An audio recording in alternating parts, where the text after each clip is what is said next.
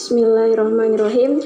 Assalamualaikum warahmatullahi wabarakatuh.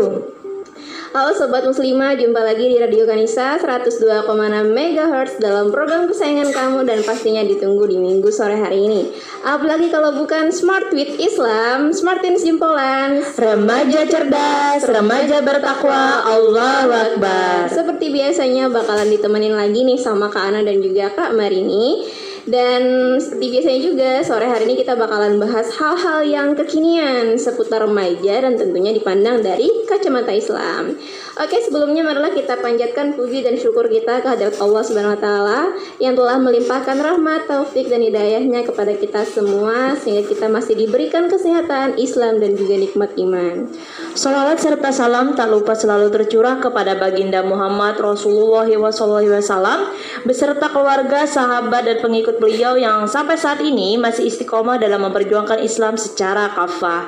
Seperti yang sudah disebutkan sebelumnya, sore hari ini kita akan membahas hal-hal kekinian seputar remaja dipandang dari kacamata Islam. Jadi jangan cuma sekedar dengerin aja ya, sahabat semua, dan jangan malu-malu untuk mengungkap- mengungkapkan pertanyaan, mau komen, kasih pendapat, kritik maupun saran bisa kirim SMS atau WA ke nomor 089691644921. Sekali lagi di 089691644921 dengan format seperti biasa, nama, spasi SWI, huruf besar, spasi pertanyaan atau tanggapan atau kritik ataupun saran. Saya ulangi ya, 089691644921. Iya, kami tunggu ya Smartin semua partisipasinya boleh tanya ataupun kasih saran apa pun gitu Kak ya. Betul. Kita juga ada share ya kayak di story Instagram. Jadi yang di luar jangkauan bisa kirim DM ke kita. Iya, kirim pertanyaan lewat DM kayak gitu ya. Atau yang temenan di WA tadi kita share juga ya. Iya, Bisa betul. langsung di WA aja kayak gitu. Betul. Oke, nah buat Smartins di rumah nih tadi eh, mungkin ya yang mungkin sedang mempersiapkan buat besok hari Senin gitu ya, nyiapin apa bukunya dan besok. Iya besok eh, rata-rata ada yang UTS ya. Iya, besok UTS rata-rata Kak. S- Ah. eh, SD, SMP, SMA. Iya, jadi yang sedang nyiapin persiapan buat UTS besok, yang mungkin lah udah belajar gitu ya, terus Betul. sekarang lagi nyantai-nyantai. Nah, tepat banget nih buat dengerin apa ya Smart with Islam sore ini. Iya, karena kita punya tema menarik ya Kak ya. Ya, temanya apa nih kak? Generasi pelajar hebat. Wah, kebetulan kita bahas pelajar nih kak. Betul. Nah, jadi kalau kita bahas pelajar ya, eh maaf. jadi kalau kita bahas pelajar ya, tentunya seperti karakter pendengar kita dong ya. Iya. Rata-rata kan pelajar nih, smart Betul. teens di rumah gitu ya. Dan pastinya saya yakin nih smart teens yang sedang mendengarkan ini termasuk eh, smart teens yang pelajar-pelajar hebat. Betul. Amin, semoga seperti itu ya. Amin, ya Nah, yang kita bahasnya yang kayak gimana nih kak? Jadi beberapa minggu yang lalu kan sempat heboh tuh kak eh, para pelajar khususnya anak STM yang ikutan turun ke jalan bersama mahasiswa dalam aksi penyampaian aspirasi dan kedapetan slogan anak STM bilang kakak yang orasi kami yang eksekusi keren banget Iya, kak jadi itu mereka- jadi trending topik banget kak Iya, apa ya? Mereka tuh kayak kayak istilahnya tuh kayak ba- bala bantuan gitu loh. Iya. jadi kakak mundur aja dulu Iya. kita yang gantiin gitu ya Pokoknya kakak orasi aja kita yang eksekusi oh, gitu, gitu ya. Jadi kegambar ya gimana eh, serunya kayak gitu lah Iya, bener banget, kayak Kak. gitu ya kak ya. Mm-mm. Itu sempat viral kak di dunia maya slogan yang lugas, ringan dan tanpa beban itu seolah mencerminkan kepiawa kepiawaian eh maaf kepiawaian pelajar STM. Nah Iya. jadi eh, untuk urusan teknis, nah mereka tak pandai berorasi tapi eh, siap meng- mengeksekusi eh, sesuai instruksi. Cukup mengerikan sih ya, ya namanya juga anak STM ya. Iya bener banget. Nah, keberanian pelajar STM dengan menampilkan beberapa aksi heroiknya ini kemudian mendapat sambutan luar biasa dari netizen. Bahkan di Twitter itu menjadi trending nomor satu. Iya, Bagaimana heeh. eh, kalau yang kita tahu ya, kalau udah turun ke jalan, eh, aksi-aksi seperti itu kan lebih kebanyakan mahasiswa ya. Iya bener banget ini kak. kayak kayak baru pertama kali ya Iya, anak-anak STM gitu. pelajar gitu ya, ikutan juga gitu ya. Heeh. Pokoknya mereka yang jadi garda terdepan gitu Iya. di depan polisinya kayak gitu Betul. ya. Nah, julukan The Avenger pun uh, sampai ke pundak mereka, pantang menyerah, berani adu nyali, kompak dan sederet sifat pendekar lainnya tuh makin melambungkan nama serdadu tanpa markas alias STM. Kalau disingkat ya serdadu Iya. tanpa markas gitu ya. Iya. Baru gitu ya. Iya, mereka tuh langsung turun aja tanpa Iya. apa-apa langsung turun gitu kan ya. Nah, ini julukan baru ya. Nah, nama yang menjadi pertanyaan adalah apakah ini yang merupakan salah satu cerminan pelajar hebat milenial sekarang? Nah, ini Kak yang mau kita bahas. Oh, jadi kita mau bahas nih apakah yang kayak mereka ini gitu ya, Iya, apa betul. namanya gambaran pelajar hebat kayak gitu ya. Oke, berarti seru dong ya pembahasan kita ini, apalagi Smartins di rumah kan yang notabene juga adalah para pelajar gitu kan ya, mesti kudu tahu nih kayak gimana dan kayak apa sih pelajar yang hebat yang dimaksud itu, apakah yang sejenis aksi-aksi anak STM yang disebutkan kamar ini tadi? Nah, oke tadi kan udah kita singgung nih beberapa fakta mengenai aksi heroik para pelajar yang ikut turun ke jalan bersama mahasiswa dalam aksi menyampaikan aspirasinya mengenai RUU yang kemarin sempat menggemparkan dunia nyata juga dunia maya ya. Iya. Jadi eh, gimana ya? Kalau yang biasanya aksi-aksi kayak gitu kan banyak dinyinyirin ya kak ya Iya. katanya apa sih turun ke jalan ngapain sih? Eh, belajar aja bener iya, gitu ya. betul. Heeh. Tapi waktu anak STM turun itu semua langsung jangan memusatkan perhatian kayak gitu ya. Betul. Eh, akhirnya kayak ngasih dukungan banget Heeh. eh, bahwa eh, aksi mereka itu layak dikasih jempol. Iya kayak benar gitu. banget Pak. Nah, jadi eh, waktu seperti yang kita tahu bahwa aksi yang digelar oleh mahasiswa ini bisa dibilang sebagai perwakilan keresahan kita yang atas rencana rancangan undang-undang KUHP eh, di mana dalam RUU ini terdapat beberapa pasal-pasal yang kontro- eh, kontroversial ya Kak. Salah satunya tentang mengkritik presiden akan dikenai hukuman penjara 6 bulan. Wah, ini benar-benar harus direvisi sih kalau yang ini ya Kak ya. Iya, iya, iya. Masa kita sebagai rakyat nggak boleh kayak gitu kan ya mengkritik pemimpin kita, apalagi kan kalau menjadi pemimpin itu kan eh, apa ya? Masa tidak bisa nerima keinginan masyarakat Iya, itu. aspirasi dari masyarakat Iya, gitu ya. Karena kan eh, adanya kita mengusung pemimpin kan menginginkan bahwa apa yang kita butuhkan tuh bisa Dilayani Iya, gitu ya. betul. Jadi wajar dong kalau misalnya kita memberikan kritikan kalau itu tidak sesuai Hmm. gitu. Kalau pemimpin eh, kita mengeluarkan kebijakan yang memberatkan kita hingga menyengsarakan kita, wajar dong kita menyampaikan kritik dan saran demi kelangsungan hidup kita. Iya. Nah, ini kan sebenarnya eh, sama dengan kita sholat ya. Seorang imam tidak menutup kemungkinan juga bisa salah bacaan atau salah rokaatnya. Nah, sebagai makmum kan kita diperintahkan untuk menegur tentunya hal ini sudah diatur dalam bab fikih ya kan ya Kak ya. Iya benar banget. Nah, apalagi eh, dalam bernegara ya kan. Nah, ini kan negara itu yang eh, mimpin nggak cuman kayak makmum sholat ya cuma berapa gitu. Kalau ini kan satu negara gitu. Jadi ya wajar aja sebenarnya kalau rakyat kemudian memberikan mm, saran dan kritik terhadap kebijakan penguasa.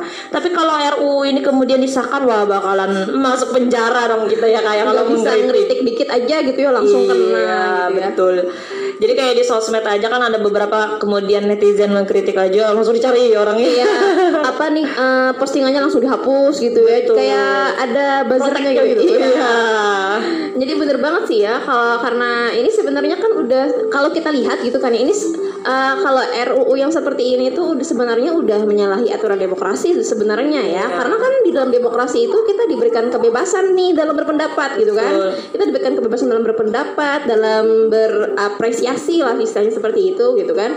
Tapi kalau dibatasi kayak gini yang seperti di dalam RUU KUHP ini gitu kan ya, berarti kita eh, apa ya bertolak belakang dengan sistem demokrasi saat ini kayak gitu. Jadi enggak sesuai kayak gitu. Kalau di dalam demokrasi gitu kan ya. Dan secara tidak langsung juga ini eh, sudah mencerminkan bentuk pemerintahan yang otoriter ya sebenarnya ya. Jadi sangat bertolak belakang kalau di dalam sistem demokrasi. Dan ini sebenarnya baru satu pasal kayak yang bermasalah dan Betul. sebenarnya masih banyak lagi yang Iya, karena ada poin-poinnya ya Heeh. di RUU itu ya Kak ya. Dan di sosial media tuh banyak banget sebenarnya sudah di share-share kayak tentang RUU KUHP yang kontroversial ini. Iya, yang lucu itu yang soal ayam kah? Iya, masuk ke halaman orang itu langsung masuk penjara gitu ya. 10 juta, 10 Iya. juta. Jadi kita kalau mau kaya, uh, ayam orang suruh masuk Iya, di lahan aja kita. ayamnya Iya, gitu ya. Jadi kita dapat 10 juta. Aduh, bahaya ya. Macam-macam aja gitu kalau rancangan undang-undangnya ini loh, yang seharusnya Iya. kan sebagai apa ya? Kitab undang-undang tentang hukum itu kan ya, yang Iya. harusnya kan yang apa ya? Masuk akal. Iya, masuk akal dan harusnya tinggi gitu loh Iya, bahasanya. gitu. derajatnya ya, Iya, tapi sebuah kok- hukum. Tapi ini Iya, ya begitu lah ya. Jadi sebenarnya banyak kayak sebenarnya pasal-pasal yang bermasalah lah kita bisa Iya, bilang kayak gitu. betul. Tapi eh, kalau kita bahas semuanya mungkin kayaknya nggak cukup waktunya nih. Betul. Jadi yang presiden tadi ya sebagai salah satu contoh aja Iya. gitu ya, ya buat semakin tahu lah. dan gitu itu ya. juga kan sebenarnya mengakibatkan akhirnya aksi besar-besaran ini terjadi. Iya benar gitu. banget. Dan nggak cuman eh, RUU KUHP aja nih kayak yang dituntut, mereka juga menuntut revisi Undang-Undang KPK. Ah, yang isinya tuh ternyata justru malah melemahkan KPK itu sendiri. Iya. Nah kan kalau kayak gini sebenarnya para koruptor itu malah ak- kayaknya akan terus ada dan justru mungkin akan terlindungi dengan revisi Undang-Undang ini. Iya, gitu. Jadi sangat timpang ya ketika ada kejadian kayak pencurian dengan yang sebenarnya hampir sama dengan korupsi. Bahkan korupsi itu nilainya enggak sedikit ya kak ya Iya. miliaran triliunan kita udah lihat Yang ya. dirugikan itu banyak gitu ya, Iya, uang uang negara gitu ya, uang Kayak gitu. masyarakat Iya. gitu. Jadi uh, malah revisi undang-undang ini justru kayaknya malah bikin para pelaku korupsi itu semakin subur deh kayaknya kayak. Nah, jadi iya kak. Jadi kalau kita melihat tuntunan-tuntunan yang dilakukan Tuntutan ya. Oh ya, tuntutan oleh mahasiswa-mahasiswa ini dan kemudian didukung oleh para kaum pelajar, eh, netizen ternyata memberikan acungan jempol untuk mereka yang turun ke jalan menyampaikan aspirasi ini. Para pelajar STM yang biasanya dianggap sebagai preman sekolah, kita tahu ya, Iya. mereka bagaimana sering tahu. Oh dengar anak STM, wah udah tahu kayak gimana gitu ya. iya, akhirnya yang punya image buruk lah di mata masyarakat, eh melalui aksi ini tuh mereka kemudian membuktikan bahwa pelajar seperti mereka juga punya kepedulian terhadap nasib bangsa kita gitu. Mereka punya empati dan solidaritas yang tinggi dan tentunya semangat berjuang yang luar biasa seperti kakak-kakaknya. Hmm. Ya, jadi ini patut diapresiasi ya menurut saya kayak gitu. Uh, bener banget tuh kak bahwa sikap heroik mereka ini yang bisa dibilang juga peduli terhadap uh, isu negara gitu ya tapi uh, bukan hanya sisi positifnya aja sih yang kita lihat gitu ya ternyata uh, mereka juga apa ya cara mereka mendukung aksi ini loh itu juga menjadi sorotan publik gitu sebenarnya ya. Betul. karena kan tidak uh, bisa kita hindari tidak bisa kita pungkiri kerusuhan itu juga terjadi gitu ya. Kisruh karena memang banyak ya bukti-bukti apa yang terjadi waktu di lapangan ternyata ada sempat kerusuhan juga. Heeh, adu jotos gitu sama polisi gitu kan ya Dan ada beberapa juga sih adegan-adegan lucu ST anak-anak STM itu kemarin. Mm-mm. dan merusak apa ya Atribut-atribut, iya atribut atribut kemudian- mobil patroli polisi juga Iya. gitu kan ya jadi ya nggak bisa kita pungkiri sih. Iya. itu juga hal buruk juga Ada pasti. me- apa yang melengket di image mereka gitu Iya. ya. Walaupun tadi ada sisi positif yang bisa kita lihat nih dari semangat mereka. Jadi gitu ya kayak tergambar kak ya, yang biasanya kalau kita lihat uh, generasi milenial sekarang itu kan sibuk main games, uh, foya-foya atau nongki-nongki gitu kan suka jalan-jalan, pokoknya yang have fun aja gitu. nggak peduli terserah lah mau gimana Ya, lah urusan negara gitu betul. ya. Dan ini tuh akhirnya menyadarkan bi bu kita gitu bahwa keadaan kita sekarang itu nggak baik-baik aja gitu sampai anak pelajar itu turun kan Iya, para pelajar STM turun ke jalan gitu ya. Wah, ada apa nih? Gitu kan, Nah, langsung kayak gitu kan ya. Akhirnya kemudian membuka mata masyarakat kayak gitu Iya, ya. ini pasti nggak memang bener nggak ada yang beres nih. Iya, jadi ada sisi positif yang dibawa mereka, namun juga sisi negatif yang kerusuhan yang mereka timbulkan itu juga tidak bisa kita pungkiri seperti itu. Dan tidak hanya itu sebenarnya eh, mereka yang ikut aksi ini, para pelajar ini kayak khususnya yang kita soroti ini, mereka yang ikut itu juga sebagian besar dari mereka ini adalah eh, tidak paham tentang apa yang sedang mereka ikuti ini gitu loh. Iya. Mereka ikut-ikut aja aksi karena oh ini senior kita nih kakak-kakak kita nih mahasiswa Iya. gitu ikutan ya kita bantu ya. iya. Walaupun sebagian paham apa yang menjadi tuntutan mereka. Betul. Namun tidak bisa kita pungkiri juga sebagian besar dari mereka juga ada yang tidak paham hanya sekedar Iya, ikut-ikutan ikut. sebagai Ah, solidaritas kayak gitu loh, Iya, Kak. wah gue harus nih turun ke jalan nih. Heeh. Gitu. Jadi akhirnya nggak paham gitu apa sih tuntutan-tuntutannya gitu ya makanya eh, apa ya banyak di antara mereka itu yang beraksi aja gitu ya tanpa tahu misinya Mm-mm. jadi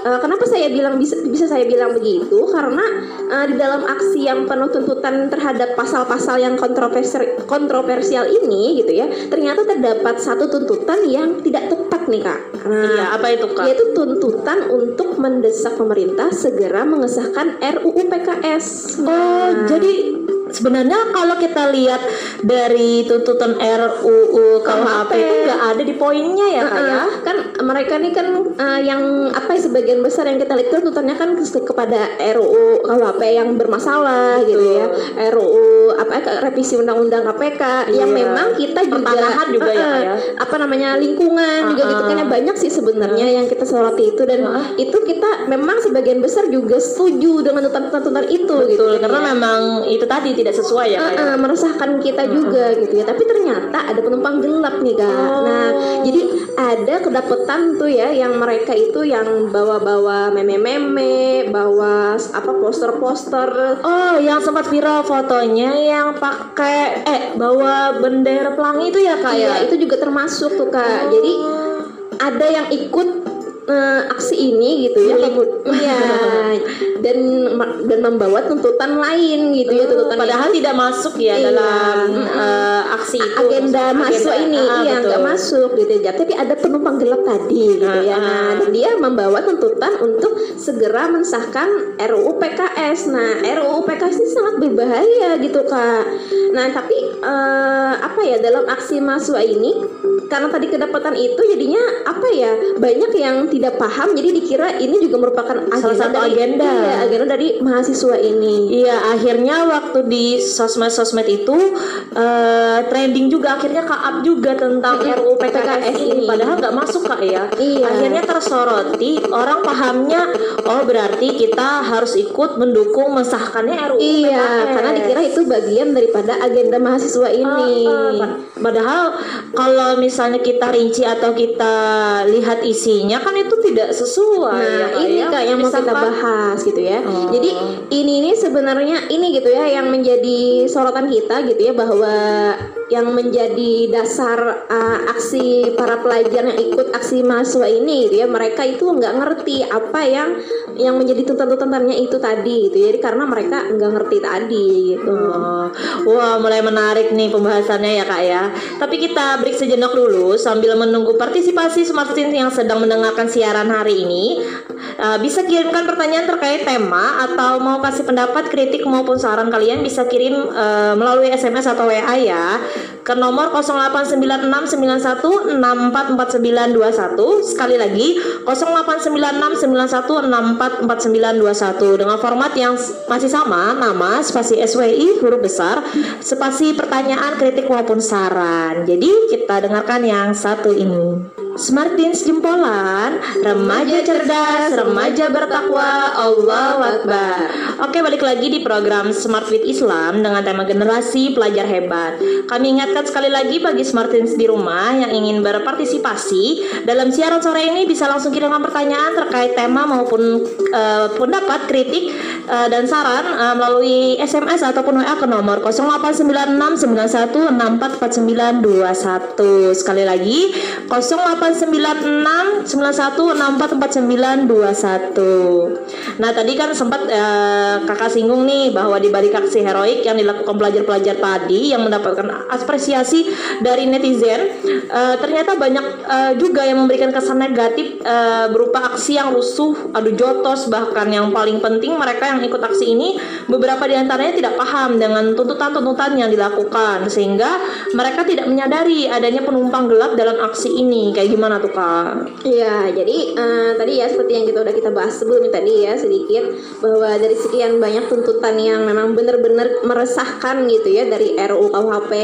dan revisi Undang-Undang KPK dan itu ya yang lebih apa utama gitu ya menjadi isu hangat gitu kan dan memang kita itu setuju gitu dengan tuntutan-tuntutan itu gitu ya karena kita bisa melihat bahwa masyarakat di luar sana itu satu baris ibaratnya eh, ikut mereka mahasiswa ini gitu loh daripada eh, mereka yang di DPR gitu ya.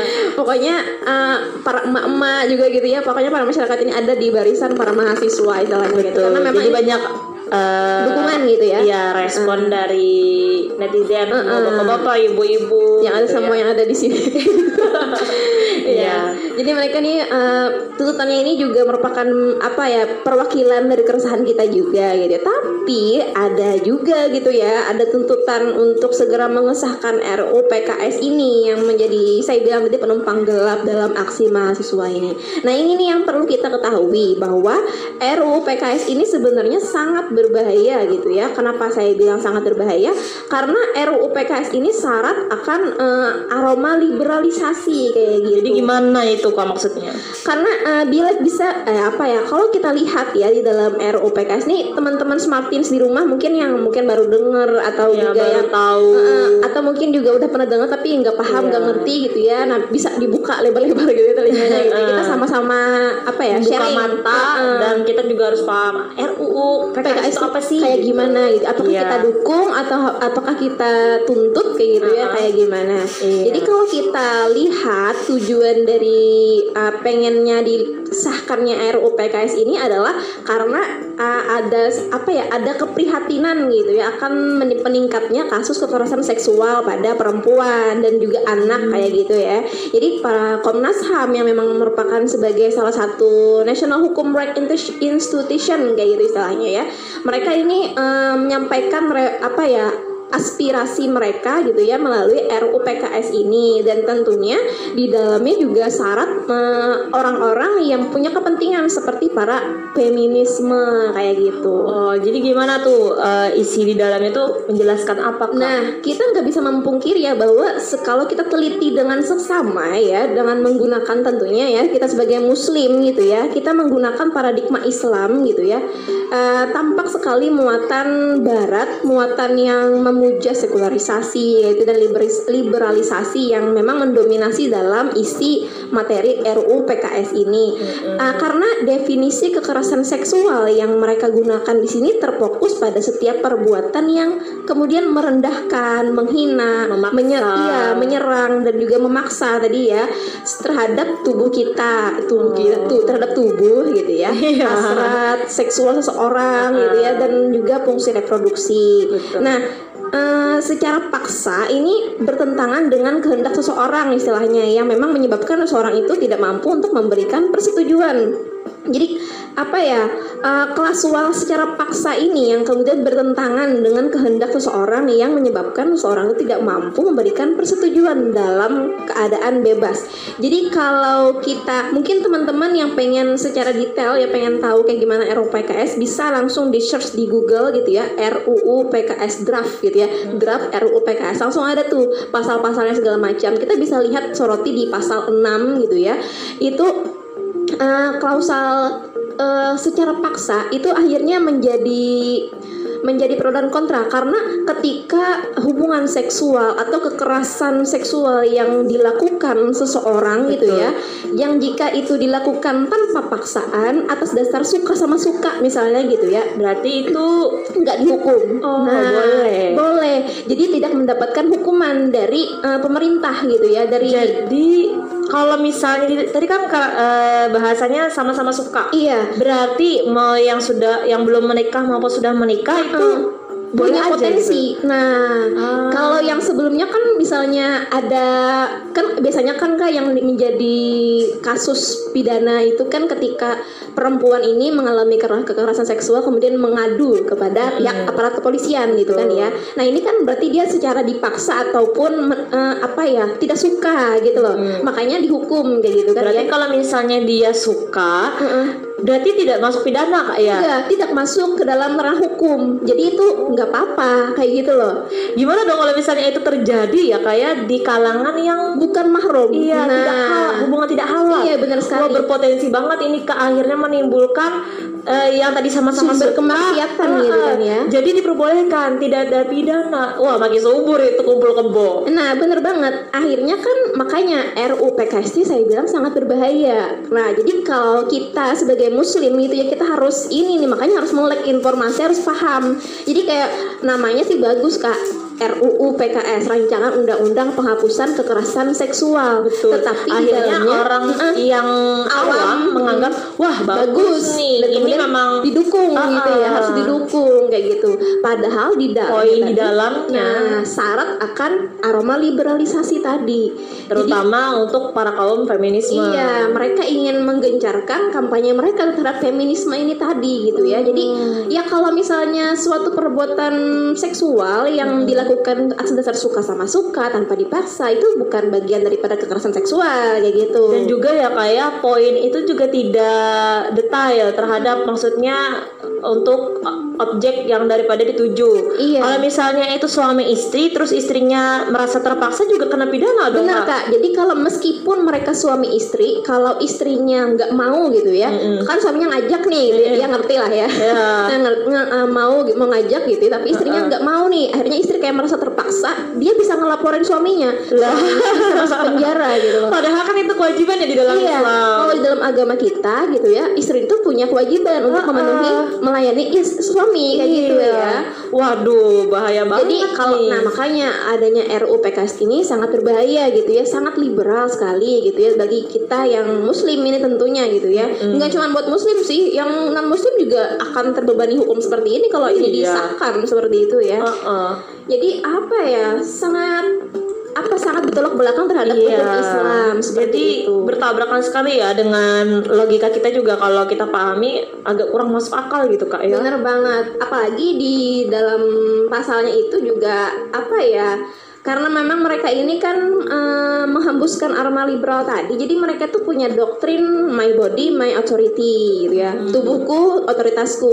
Tubuhku ya suka-suka aku, mau aku Iya. pamerin kayak mau enggak kayak gitu ya. Jadi kalau misalnya ya gitu loh. Jadi ya macam-macam jadi banyak sekali kemudaratan banyak sekali kemaksiatan yang akan timbul ketika RUU PKS ini disahkan gitu. Betul. Jadi kayaknya ini patut ditolak ini Bener Kak. banget harus ditolak dong masa Heeh. yang tadi ya kayak contohnya kayak yang hubungan yang sah tadi ya suami Iya. istri tadi oh, suaminya bisa dilaporin gitu kan ini bahaya Aduh, banget itu bertolak belakang dengan hukum Islam iya menyuburkan perselingkuhan itu. iya bener banget nah itu kalau misalnya selingkuhannya suka gitu ya suka suka sama suka ya nggak apa-apa nggak di nggak dihukum gitu Subur tuh pelakor-pelakor itu. Iya. Nah, kayak gitu ya. Dan tentu juga ada di pasal 6 juga itu juga ada agenda untuk mengajarkan sex sex education. Nah, di mana sex education ini tentu saja sangat kentara dengan uh, aroma liberal di mana maksudnya apa itu kak? Sex jadi education. mereka ini memaksakan untuk memasukkan materi sex education ini sebagai bahan ajar dalam kurikulum ataupun non kurikulum gitu ya. Bahkan di ekstrakurikuler juga dari jenjang pendidikan usia yang dini sampai perguruan tinggi. Dan tentunya karena ini adalah ide dari western gitu ya dari barat, Mm-mm. maka ya pasti udah kita udah kita bisa menganalisis menebak gitu ya Jadi arahnya ke mana iya, gitu ya? yang vulgar itu pasti akan ditampilkan Hmm. gitu ya karena kan pendidikan seks katanya gitu kan ya Betul. pasti syarat audio video yang menggambarkan yang secara vulgar tadi gitu Ja- ya kayak film dua garis biru yang akhirnya dibilang bahwa bagian dari sex, Sex education. Lama-lama itu ada film yang kontroversi yang sempat ditolak Indonesia juga ya, yang Fifty Shades of Grey itu jangan-jangan dijadikan sex education. Waduh, itu ngeri Jadi banget itu apa nanti. ya kak? Ini tuh malah bukan berfokus kepada pertahanan diri untuk mena- menangkal ancaman kekerasan gitu Malah ya. mengundang. Iya, karena itu kayak diajarkan secara vulgar tadi gitu Hmm. loh. Nah, jadi kan RUU PKS yang tadi ya syarat dengan kepentingan liberal Iya. bisa kita bilang seperti Iya. itu ya. Jadi apa ya tuntutan untuk mengesahkan RUU PKS ini sebenarnya tidak tepat gitu ya dan Hmm. ini memang merupakan eh, apa ya tadi penumpang gelap di dalam Iya. agenda ini. Pun Sayang sekali ya di aksi itu kemudian ada Iya. yang nyelip gitu. yang tadi ya kalau orang awam kemudian tidak paham gitu ya para pelajar tadi coba nggak Iya. ngerti gitu ya Iya. ikut-ikutan mendukung gitu Iya, kan. Nah, akhirnya suara itu terangkat kayak gitu, terap, terdengar akhirnya. makanya tadi mendukung tuntutan yang salah. Betul. Pun kalau memang misalnya pengen diangkat tentang RUU PKS ini bukan tuntutan untuk mengesahkan tuntutan tapi tuntutan untuk Ditolak. menghapuskan ya menolak gitu ya seharusnya yang seperti itu Iya. Wah bener banget tuh kak. Nah jadi untuk para pelajar nih ya kita kudu melek nih sama informasi yang kayak beginian. Namanya juga milenial jadi kita harus juga update Iya. dong dengan berita sekitar kita. Ya apa nih yang rame apa ikutin aja. Hmm. Kayak gitu. Apalagi kan salah satu aksi yang pelajar kemarin itu udah membuktikan pelajar melek nih. melek gitu. informasi gitu ya Iya, meleknya juga kita harus kudu, negara juga Heeh. gitu ya. kudu harus cari informasi lebih lengkap lagi. Loh, aku itu turun ke jalan itu untuk apa? Tujuannya Iya. apa? Misinya apa? Gitu. Nah, bu, jadi eh, kita jangan sampai ya kita jadi orang yang tidur gitu harus melek jangan buta informasi dan akhirnya ngikut-ngikut gitu aja tanpa tahu ternyata ini ada pemahaman yang berbahaya bagi kita contohnya tadi ya udah dijelaskan Iya. sama Kak Noy maka kita bisa katakan bahwa pelajar yang hebat itu bukan seperti aksi pelajar yang tadi yang kita bahas ya. Mereka memang patut eh, diacungi jempol atas aksinya yang empati dan peduli gitu terhadap eh, aksi yang Iya. kakak-kakak mahasiswanya eh, suarakan gitu. Nah, dan juga tapi sayangnya eh, mereka tidak paham apa saja yang harus diperjuangkan dalam aksi itu tadi gitu. Lalu bagaimana seharusnya gambaran pelajar yang hebat itu? Oke, seperti yang dijelaskan Kak Marini tadi ya bahwa kita itu para pelajar harus uh, kudu melek informasi dan juga isu-isu negara yang kayak tadi kita bahas gitu ya. Jangan sampai nih kita buta informasi dan kemudian akhirnya ngikut ngikut ngikut gitu aja gitu tanpa tahu ternyata ada pemahaman yang salah, ada pemahaman yang berbahaya bagi kita. Jadi pelajar yang hebat itu bukan seperti aksi para pelajar yang tadi kita bahas di depan mereka memang patut diacungi jempol atas aksinya yang empati dan juga peduli terhadap uh, isu negara gitu ya. Betul. Tapi sayangnya mereka tidak paham apa yang harus diperjuangkan dalam aksi itu. Nah, kayak gimana nih Kak, pelajar yang hebat yang dimaksud itu? Pelajar yang hebat itu tentunya pelajar yang menjadi harapan bangsa, Kak. Pelajar yang menjadi dambaan umat. Mereka juga adalah remaja yang punya kelebihan dibanding yang lain dan konsisten berpegang teguh pada beberapa prinsip berikut ini, Kak. Nah, yang pertama, mental berkontribusi. Nah, pelajar hebat harus punya prinsip yang mendorongnya untuk unjuk gigi bukan semata karena piala atau penghargaan tingkat dunia, tapi untuk berbagi manfaat pada masyarakat, bersikap kritis bukan untuk menuai sanjung puji, tapi tanggung jawab sebagai anak negeri. Nah, sikap mental ini penting dimiliki oleh setiap pelajar, Kak. Nah, biar mereka belajar nggak sekedar mengejar nilai akademis, tapi juga terpacu untuk mengasah keterampilan sehingga menghasilkan karya yang berguna untuk membantu manusia dan berani bersuara ketika kezaliman merajalela. Wah, keren. Nah, yang kedua, keep learn. Nah, pelajar hebat gak pernah merasa cukup dengan ilmu yang udah diperolehnya. Belajar terus dan belajar terus. Bukan tanpa istirahat ya, cuman lebih banyak mengisi waktu luangnya dengan hal-hal yang bermanfaat. Belajar juga bukan berarti hanya duduk di kelas dengerin guru ngoceh, tapi juga belajar secara mandiri dengan bacaan buku di perpustakaan atau di rumah. Kita bisa belajar di mana aja ya kan sekarang bahwa kan Iya. kalau misalnya kita punya jat-jat itu Iya. kan kita bisa searching, Mm-mm. baca-baca gitu kan. Nah, jadi eh, juga tak sungkan untuk mendatangi orang-orang pintar yang jadi rujukannya biar bisa diskusi dan menyerap berbagai ilmu di eh, yang bisa dibagi-bagi gitu. Nah, bener banget tuh Kak, karena ilmu itu harus didatangi ya, bukan mendatangi. Nah, Iya, ilmu nggak akan datang kalau kita nggak datangin Iya, gitu benar. ya. Karena dari Abdul Qasim At-Takafur gitu ya, eh, dia bilang bahwa aku mendengar Abu Ali Al Hasan bin Ali bin Bundar Al Zanzani itu bercerita bahwa Khalifah Harun Ar Rasyid itu mengutus seseorang kepada Imam Malik bin Anas agar beliau berkenan datang ke istana supaya dua anak beliau gitu ya, yaitu Amin dan Makmun itu bisa belajar be- agama langsung kepada Imam Malik.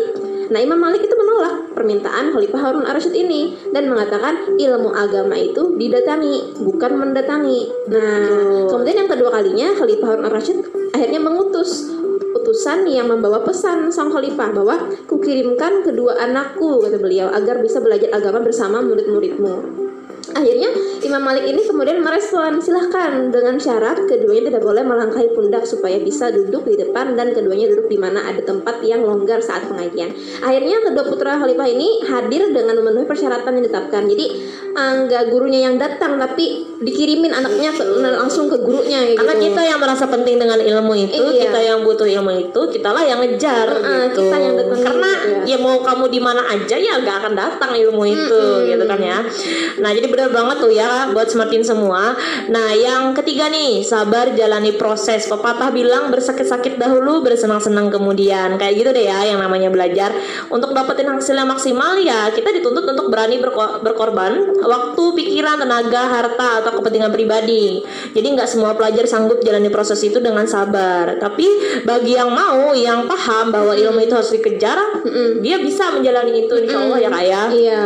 Makanya eh, hanya mereka yang konsisten, nah dan serius yang bakal sampai di garis finish eh, dengan segudang prestasi yang membanggakan. Nah Imam Syafi'i rahimahullah eh, mengingatkan gitu, eh, tidak mungkin menuntut ilmu orang yang pembosan, merasa puas jiwanya kemudian ia menjadi beruntung, akan tetapi ia harus menuntut ilmu dengan men- menahan diri, merasakan kesempitan hidup dan berkhidmat untuk ilmu maka ia akan beruntung.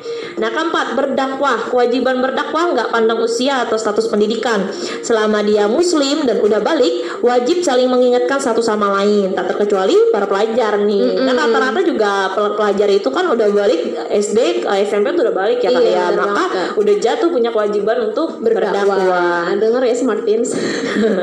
Meski statusnya masih anak didik dengan usia yang rata-rata mungkin masih muda dan belia, tugasnya bukan cuma belajar, tapi juga mengenal Islam lebih dalam sebagai bagian dari menuntut ilmu plus menyampaikan ke orang lain sesuai kemampuannya.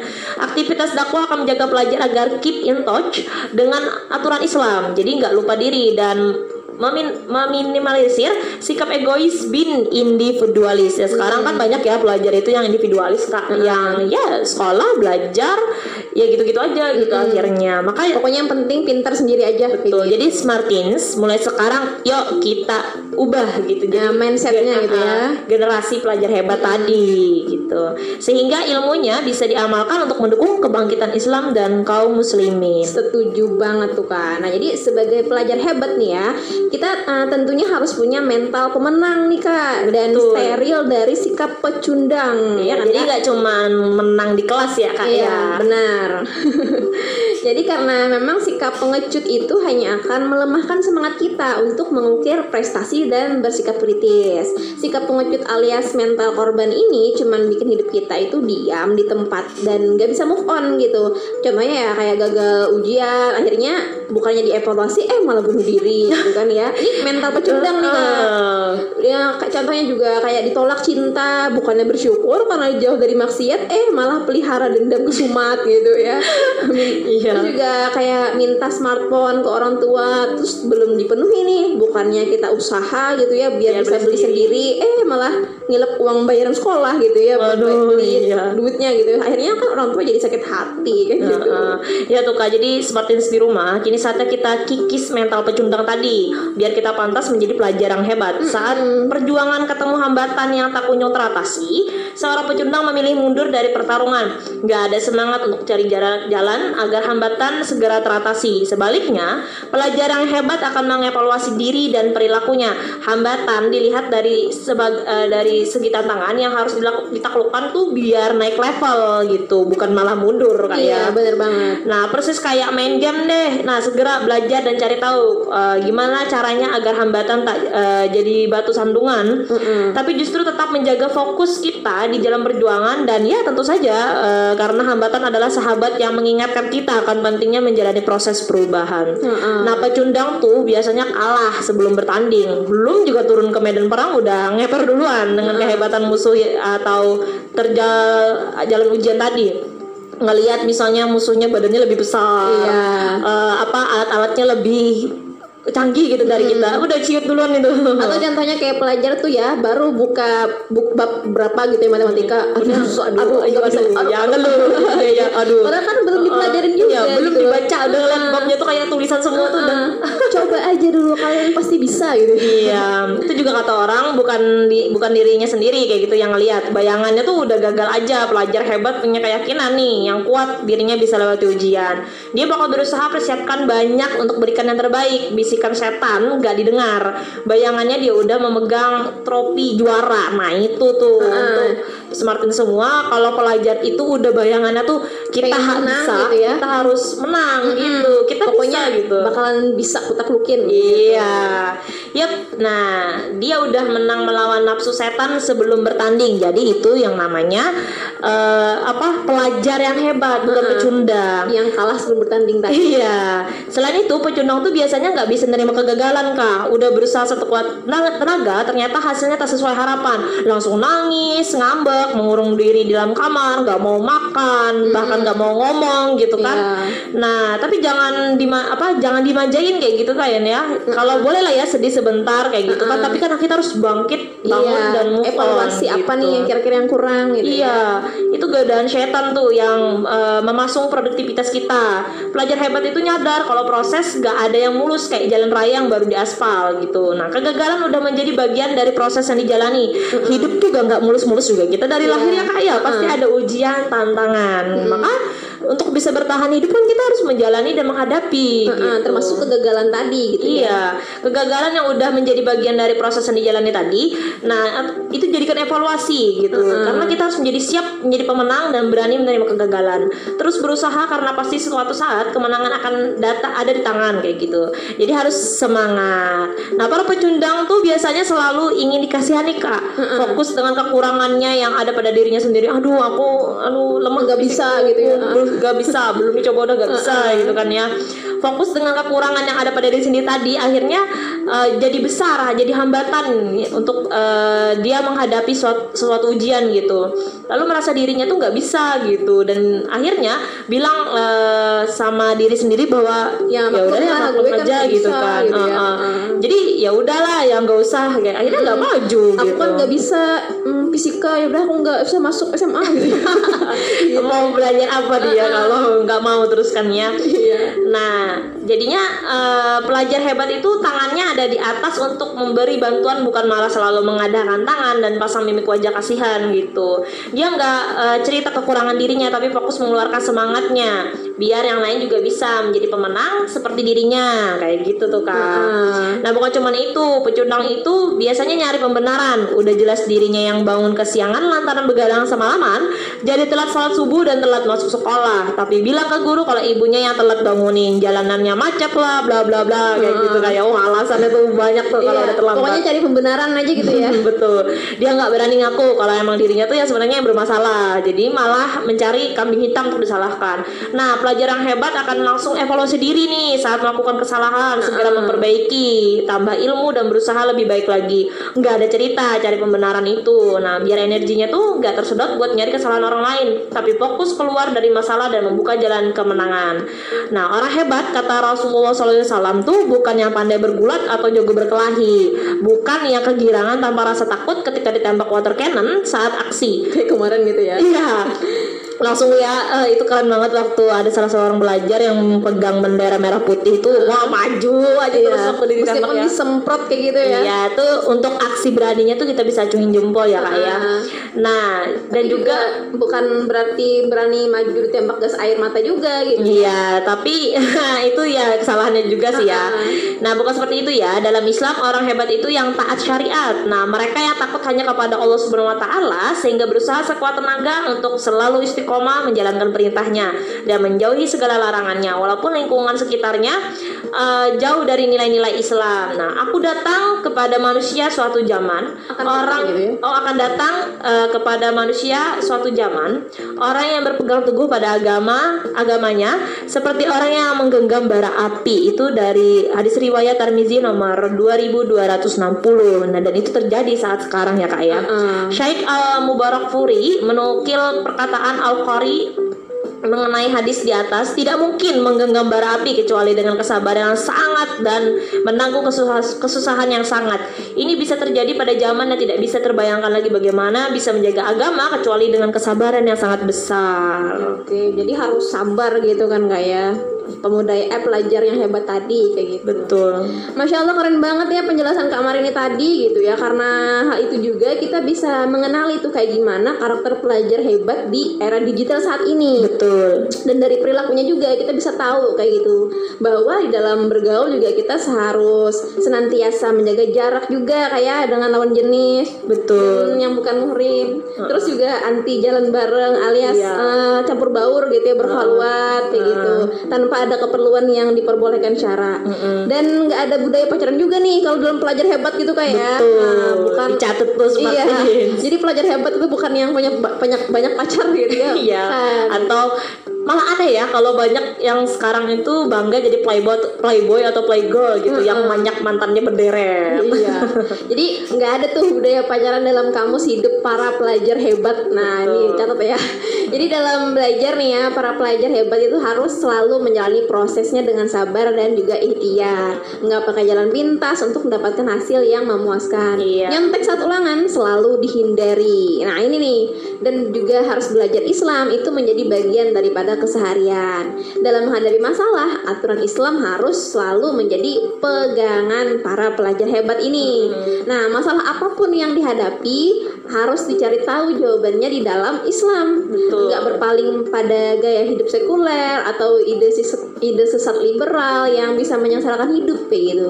Dan juga nih ya dalam berbusana itu menutup aurat itu harus menjadi eh, keutamaan para pelajar yang hebat tadi gitu ya. Betul. Nggak peduli dengan tren fashion yang penting nyaman dipakai dan sesuai aturan Islam. Yang dikejar itu ridho Allah bukan sanjung puji manusia atau banjir like-nya di sosial media ya.